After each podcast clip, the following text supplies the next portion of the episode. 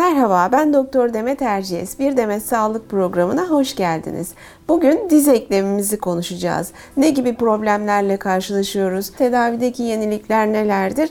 Bunlardan bahsedeceğiz. Yanımda Florence Nightingale Hastanesi ortopedi uzmanlarından Doktor Celalettin Bildik var. Hoş geldiniz Celalettin Bey. Hoş bulduk Demet Hanım. Ee, Celalettin Bey, içinde bulunduğumuz pandemi dönemindeki hareketsizlik eklemlerimizde ne gibi etkiye yol açıyor? Pandemi biliyorsunuz ki bir yılı uzun, aşkın bir süredir e, hayatımızda.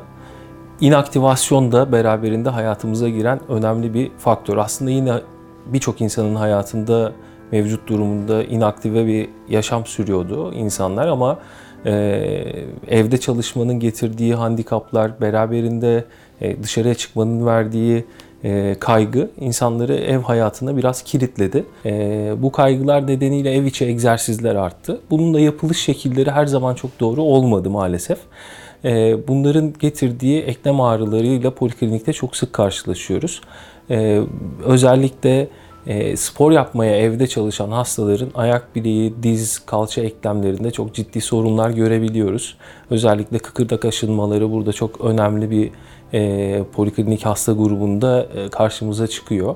Beraberinde e, online çalışma programlarının da getirdiği uzun süre oturmakla e, hayatlarını geçirmeye çalıştığı için insanlar maalesef e, eklem problemleri çok sık karşımıza çıktı. E, peki diz eklemimizde karşılaştığımız e, en sık sorunlar hangileri? Diz ekleminde gördüğümüz sorunlar diz ekleminin anatomik yapısıyla ilgili problemler görüyoruz. Tabii ki bunlar uyluğun alt ucu ve kaval kemiğinin üst ucuyla e, oluşan bir eklem, diz eklemi. Ön tarafında diz kapağımız var e, ve eklem yüzeyleri kıkırdak kaplı. Bu kıkırdaktaki aşınma sorunları, kıkırdağın korunmasını sağlayan menisküs problemleri en fazla gördüğümüz sorunlar. E, artroskopi nedir? Artroskopi bu problemlerin e, konservatif tedavi yöntemleri dediğimiz işte ilaç, enjeksiyon, biyolojik tedavilerle çözülemeyen kısmının eklem içinin bir e, kalemin büyük, e, kalem büyüklüğünde bir kameranın girebileceği bir ufak delikten içeriği görüntüleyip müdahale etme şansını bize tanıyan bir yöntemdir artroskopi. Bir de diz ekleminde PRP ve kök hücre tedavisi var. Biraz bundan bahseder misiniz?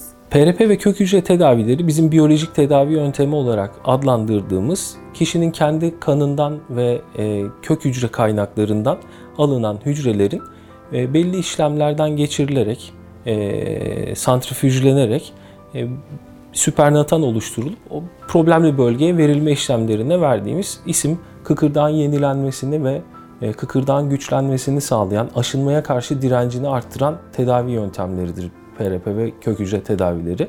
Alınma yöntemleri bir miktar farklıdır. E, kök hücreyi daha çok ameliyathane koşullarında alıyoruz.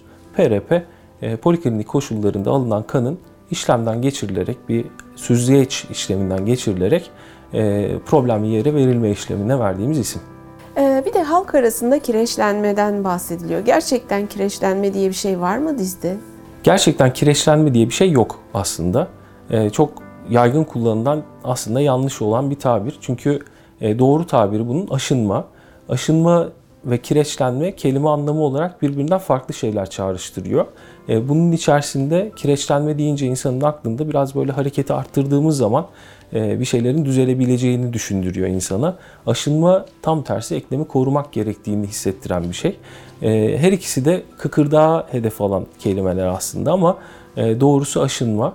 E, o yüzden kireçlenmeyi bir kenara bırakıp aşınmayı kullanmayı her zaman tercih ediyoruz. Bu biraz daha e, hastanın da kendine ait önlemleri rahatlıkla alabileceği bir e, algı yaratıyor. Özellikle diz ekleminde diz kapağı arkasındaki aşınmayı çok e, fazla görebiliyoruz.